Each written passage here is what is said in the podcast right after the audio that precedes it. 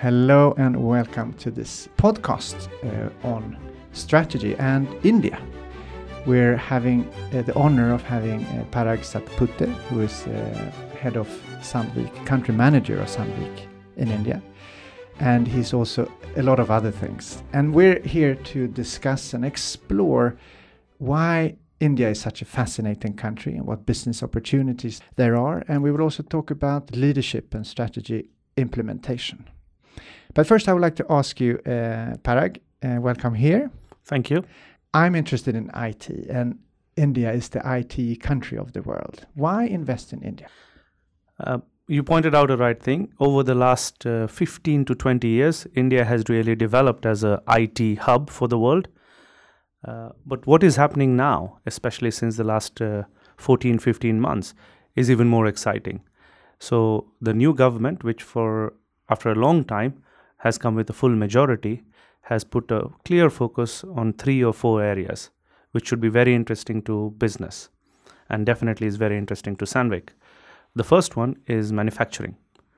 Uh, so the government realizes that to create jobs, you need to increase the manufacturing activity in the country.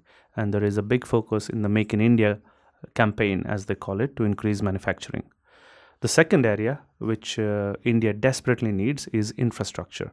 It could be roads, it could be ports, it could be airports, smart cities. So, a lot of investment is going to go into that area. And then to drive all of this, you need a skilled workforce. And there is a, a lot of focus to upskill the people we have. You know, India has 1.2 billion people, out of which 450 million people are of the working age. So it's a, a big labor pool we have but what we need to do is to educate them so that they are uh, suitable to doing jobs in industry. So all these three areas are creating a lot of opportunities for businesses. And uh, that's the answer to your question. That's why it makes sense for a company to invest in india at this point. and of course there's a highly educated workforce. And i've heard also that the government is uh, uh, doing uh, things to uh, decrease corruption. Yes yes uh, there is a lot of focus on making it easy to do business. So the ease of doing business ranking, the government has picked on that, and they have uh, set out policies which will improve the standing of India in the world and make it a better investment destination for uh, multinationals like ourselves. What do you see against China? Are you competitors or? Well, if you look at today's economy, it's a very integrated economy. Uh, so all countries and their economies are closely linked. Yes, to some extent, China and India are uh, competing. Uh, they are competing for the same investment money. Uh, they are competing to uh, drive the, the policies of some of that uh, region. But also, there is a heavy dependence on each other. So, India is importing a lot of goods from China and more and more exporting as well. So, it's a, it's a multifaceted relationship that we have. And add to that, we are neighbors and two big countries in that region. So we cannot live without each other. That's good. Uh, another thing is that uh, it's not only uh, multinationals who are investing in India, it's also India who's investing in the world. I'm thinking about Tata, who has about 50,000 employees in Great Britain, for yeah, example. Yeah, that's a, that's a good point. And that is a, a recent development that Indian companies, after being very successful in India, now want to become global and uh, you know of the big examples such as Tata's and Mittals, but there are also smaller companies who want to uh, invest in uh, European economies, who want to also form joint ventures uh, with companies in developed countries because they see it as a win-win situation. Some of these development uh, developed countries have good advanced technology, while in India you have the the workforce and the scale so it could be a, a good marriage between these. So you, you, are absolutely right there that companies are looking also to invest in uh, developed uh, countries now from india. And what do you think india brings into investing in uh, in the western world? What um, kind of um, perspectives capabilities? Is that different from what we know here? For sure. Now we are getting into a, a deep area i would say. How is the indian perspective different from the western world? Mm. um, for for for uh, for one, it is a very relationship based culture, and that of course plays out in the business as well. It's also in many cases a spiritual uh, environment and spiritual culture, and that also plays out in business. Uh, but uh, if you look at a pure commercial reason, then the the scale that uh, uh, the consumption scale that India offers is unrivaled, and it is going to continue to be a place which will have a growing population, uh, a rising population for the coming decades. So, for a Western company, this is a market which they cannot afford to ignore. You mentioned that the relationships and the uh, spiritual part. Could you ex expand on that? Yeah, I can. Um, uh, this was my relearning, I would say, because I have. Uh, I'm I'm from India. I grew up uh, partly in India, but for the last uh, decade or so, I had been working in Europe. So I have a longer work experience in Europe than in India. So when I went back last year, then one of the first things that struck me was that uh, the spiritualism or religion has a, a big impact on society in general. And as a consequence of that, that also plays out in the workplace. In what way? Um, uh, on a very simple level, you have to be very sensitive to the beliefs of your colleagues and employees. And we have all religions present in india hinduism christianity muslim buddhism. So you have to be sensitive to all of these beliefs. They have different holidays they have different eating habits they have different uh, uh, rituals so to say. And these of course play out. As a leader in the company i have to go and attend uh, the the christmas yeah the christmas the religions. diwalis the eid uh, and that is a role of a leader. I cannot afford to ignore any one of them uh, because uh, that will demotivate that group of employees. So that's a simple way that it has an impact also in the business world. Uh, but also the um, yeah the the, the st- if you now if you move to strategy then I think it's uh, important to realize that uh, with this kind of long term view it has an impact on the business as well. And you're saying long-term view, and then you're opposing that to the Western, more short-term view, or? Yes, you could say that. Um, I mean, uh, what I realized that in India to do business is not uh, it's not an easy, quick task. You have to be invested there. You have to be have the staying power, and you have to last over many years to really start making money. So if you want to go in and start making money in one or two years, that could be a challenge. I'm not saying that cannot be done, but it's not always that easy. Why is that? I believe it. Uh, it's it has two aspects to it. One aspect, of course, is the customer aspect. The customers in India have become all the more demanding now, and in demanding, it's uh, in terms of the the products they want. They want very high quality products but adapted to their need. They don't just take the standard products that that the western world has. And so, the middle class in india is about 200 million 300 400 million. yeah in 300 400 million and growing and growing all the time. So they're demanding in terms of the the products to fit their needs. So that means uh, companies have to to redesign or tailor the products to fit these needs. The other aspect is they are very very price sensitive. So uh, that also means that companies will need to look at now i'm referring to manufacturing companies need to look, look at the whole supply chains to be able to adapt the products to the needs of the customers and drive out the excess cost in the supply chains. And that that process of course takes some time. It can't be done overnight. And once you get that right then you start to see the benefits of doing business in india. And of course with it comes the scale. Okay so we're that sort of is a good bridge into the strategy uh, implementation mm. uh, question. Is that different, or is it than doing it in the Western? You who have been working in both cultures. Yeah, I would say strategy implementation anywhere in the world is a tough question. Uh, Why is making strategies is is exciting. Uh, it brings a lot of energy. It's about ideating, and uh, that is done intuitively by, by many leaders but then uh, implementing strategy uh, to some extent is a bit more boring because it's a question of um, following through and being in the detail and making sure every box is ticked and finally having the patience uh, to see the the fruits coming back. So it's a it's a longer process for one uh, uh, and uh, it takes a lot of discipline. And that is true in the western world as well as in the in in the Indian context. So there's no difference in that sense, or Yeah, I think the question you asked is: Is it any different? Is it any more difficult? Uh, perhaps it is. perhaps it is. Uh, one thing is that uh, Indians in general are quite, uh, as a culture, and now I'm stereotyping. Excuse me.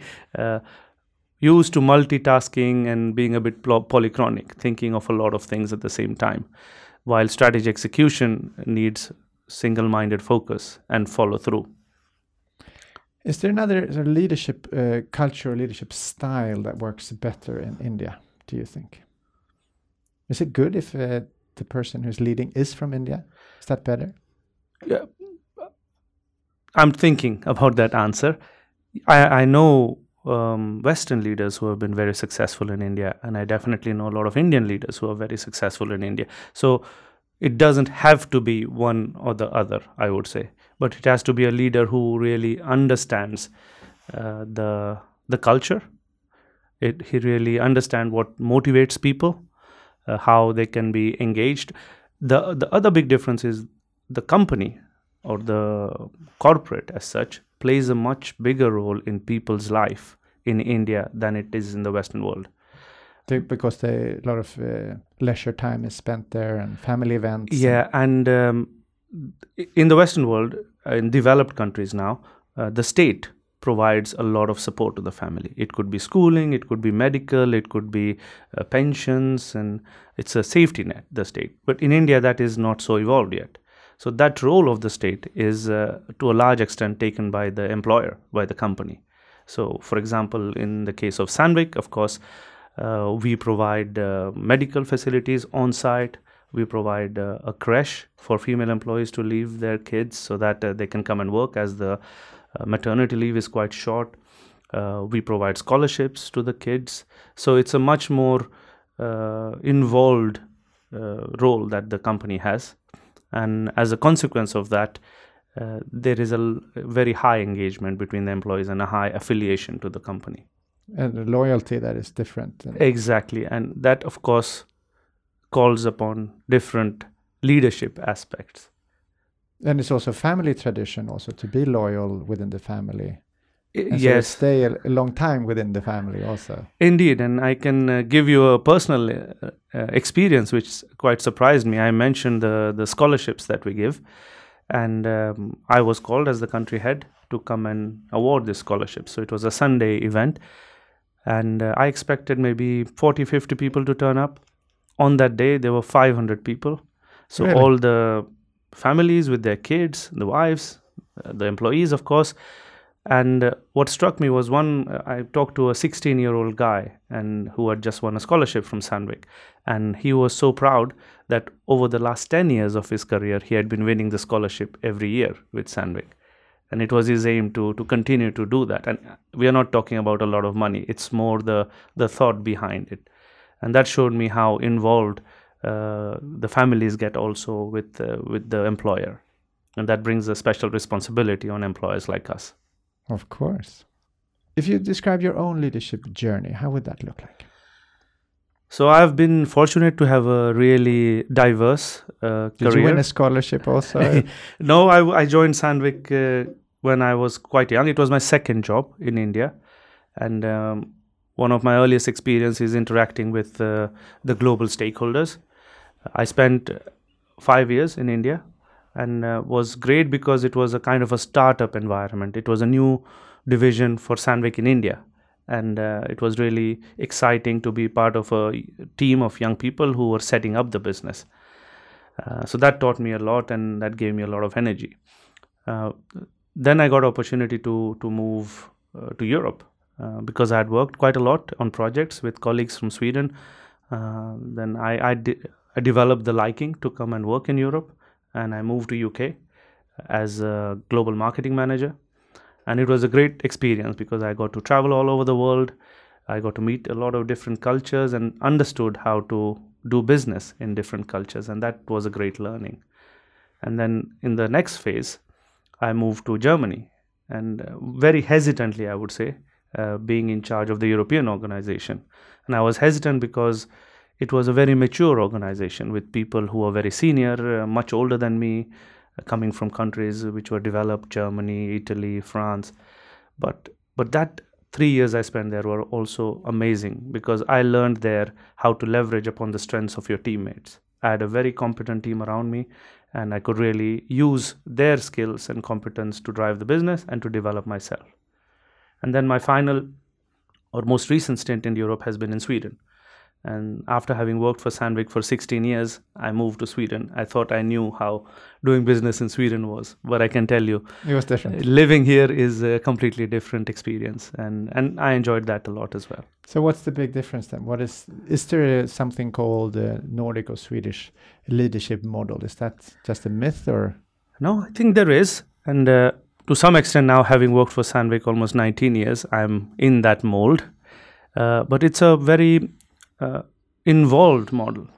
So listening to all people, no matter what level they are, they are in the hierarchy, and then using that to take your decisions. I think that is what I have noticed in the in the Swedish model, and is quite powerful then because then you have uh, a robust decision as you have people from all levels who have influenced it. And that's the same in India, or you do it differently there? It's more traditional Indian companies would be different, I would say more it's hierarchical. more hierarchical. Uh, but multinational companies and especially new companies, the IT companies, they're also very flat. So they're learning or picking up these things from the, the Western world. Great. And you did uh, some time in the IMP program also. Yes. Did have you yes. used anything of that? I was going to mention that when I was doing this international role, the global marketing manager. That's when I went on the IMP, and that was a wonderful experience. I got to meet a lot of uh, counterparts from not just from Sandvik but from other companies. And uh, the three four weeks we spent together was absolutely great as a learning experience because you got the perspectives not just from the professors who were quite good but also from practitioners like myself who had uh, done business in Russia to hear them how they had succeeded or failed was really very helpful and for sure uh, whatever I learned during this program I have used consciously and subconsciously, and that has helped me in my development. Have you done anything different after that? I think what I could attribute to a learning from uh, from IMP was the necessity of taking you, your teammates with you. And that was also the time in my career when I was quite young. I had a lot of ideas, and I thought as long as the idea gives a return and it is uh, makes strategic sense, it should be perfect and everyone should just follow it. But I realized the importance of uh, anchoring it in or making sure that people are understanding it to the same extent and are supporting it. Then it has a larger chance of success than just the leader driving it uh, on his or her own.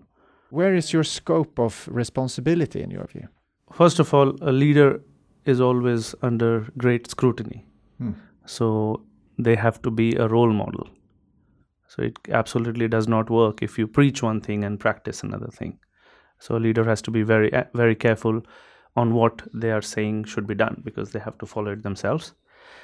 And this is in all aspects. It's not just in a, um, how to do sales or how to uh, make presentations, but how they lead their lives. And I can tell you this is even more uh, under the spotlight in a country like India, where it's a hierarchical society and they look up to the leader and uh, the leader has knowingly or unknowingly influenced the whole culture of the company um, and beyond the now i'm referring to the indian context beyond the business world also the leaders are more and more participating in uh, uh, social activities because just alluding to what you said there is a big difference between the rich and poor and it's not just the job of the government to help to bring people out of poverty, but it's also the job of uh, companies as well as uh, individuals.